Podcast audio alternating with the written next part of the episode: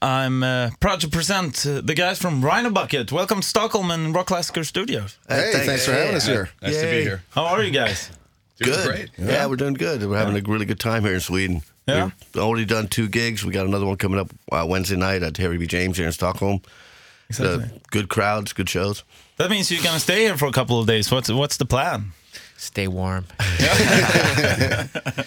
No, you know, we, uh, we'll probably get together and jam as a band, start writing some songs for the next album, stuff like that. Because, you know, idle minds, bad things happen if we don't have anything to do. So. all right. So so no uh, like uh, tourism. Oh stuff yeah, or- yeah. Well, today we're gonna go see the Vasa Oh, yeah, ship yeah. and all that. Yeah, the Vasa Museum. Yeah. All right. Uh, so uh, it's been 30 years now since Rhino Bucket were formed, right? About yeah. Yeah.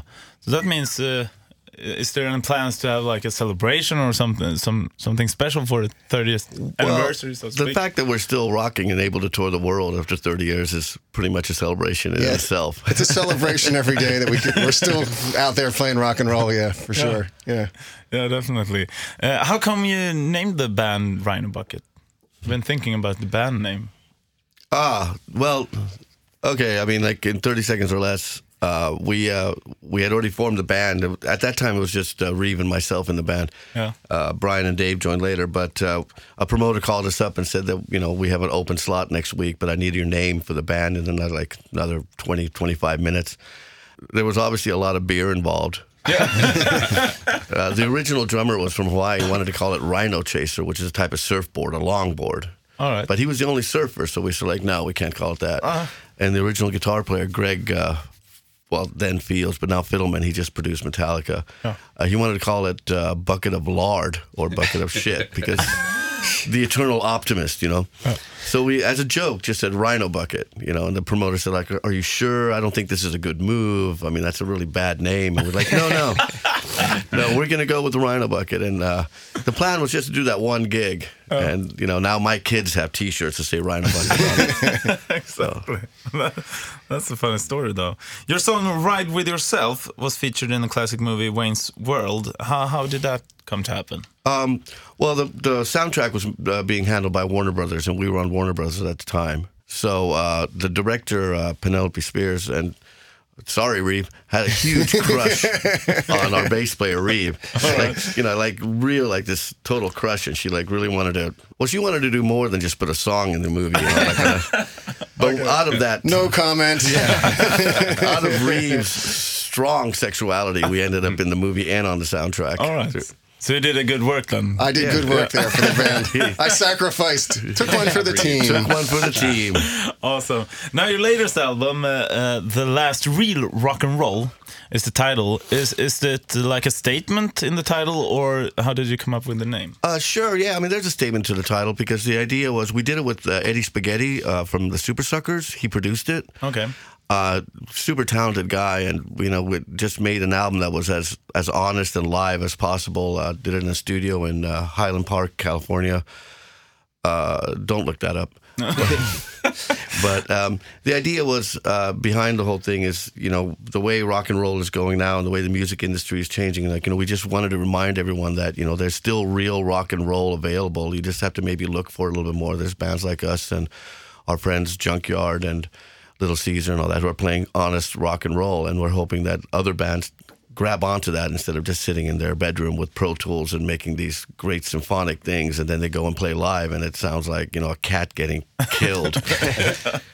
So uh, yeah we definitely were trying to like relight the flame or keep the flame going for like honest live rock and roll. I mean if you can record it you should be able to play it. Yeah. Organic music, you know, something that's not created by a computer and you're not using the sounds that was invented by Mutt some- some- yeah. Yeah, Mutt and we, we leave in uh, all the mistakes too. yeah Well, not especially all- not live all of them. Uh, because uh, Gene Simmons have said, said that like rock and roll is dead. Would you say you don't agree then? no i well i mean I strongly I'm gonna- disagree. I'm not going to get into a personal statement about what I feel about Gene Simmons, but uh, no, rock and roll's not dead. You know, the problem is that people are like Brian was alluding to, like we left the mistakes in, is people are trying to make these pitch perfect albums, and you know, part of what you know the interaction between the listener and the performer is like there are mistakes. It's a human element, and it gives it a soul to it. you know, I think uh, for Gene, rock and roll probably is dead because he's not playing, you know, massive stadiums and selling people kiss coffins, you know. So, so you know, he's moved on to something else. You know, God bless him. That's fine. But no, rock and roll is not dead. For God's sakes. I agree. I hope not. it would suck if he was right. Yeah, yeah. No one told us. no, it will never die. I think. Yeah. Uh, how long did you work on the album? Four years.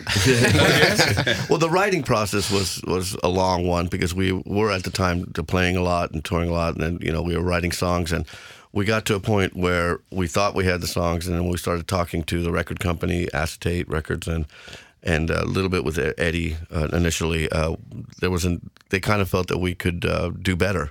Yeah. So we went back and you know really hit the grindstone and worked hard on getting better songs, and then we worked with Eddie, and so that process was long. But the actual recording was about uh, with the mastering a little bit under a, around a month. Yeah. You know, If that, really. No, about two It weeks. was, it was quick. yeah, but with the mixing and mastering, it ended up being about a month. I mean, like our part, you know, we were there about maybe three days. No, I'm kidding. Three days. Me and Dave were gone in two days. yeah, um, Reeve and I knocked out 14 tracks in about a day and a half. yeah. Yeah, then the it session guys came in. No, I'm kidding. yeah. no, that's not true. No, they did. They they really kicked ass. All right, yeah.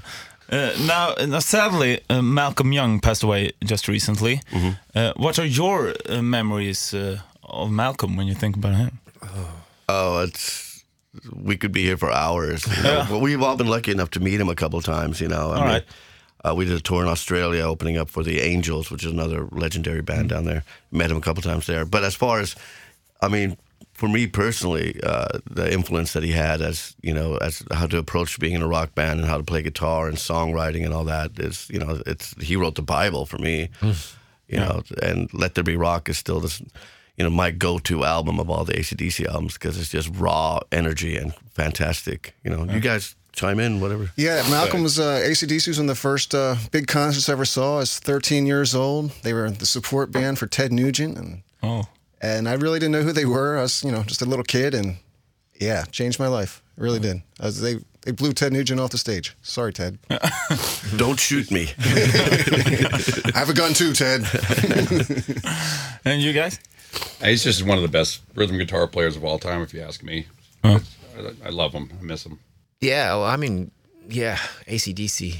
I mean, they had a big influence on this band. They had a big, big influence on Kicks. Kicks, yeah. And uh, yeah, when I, when I first heard them, it was like the first song I heard. Well, I actually had a friend that, that kept playing us.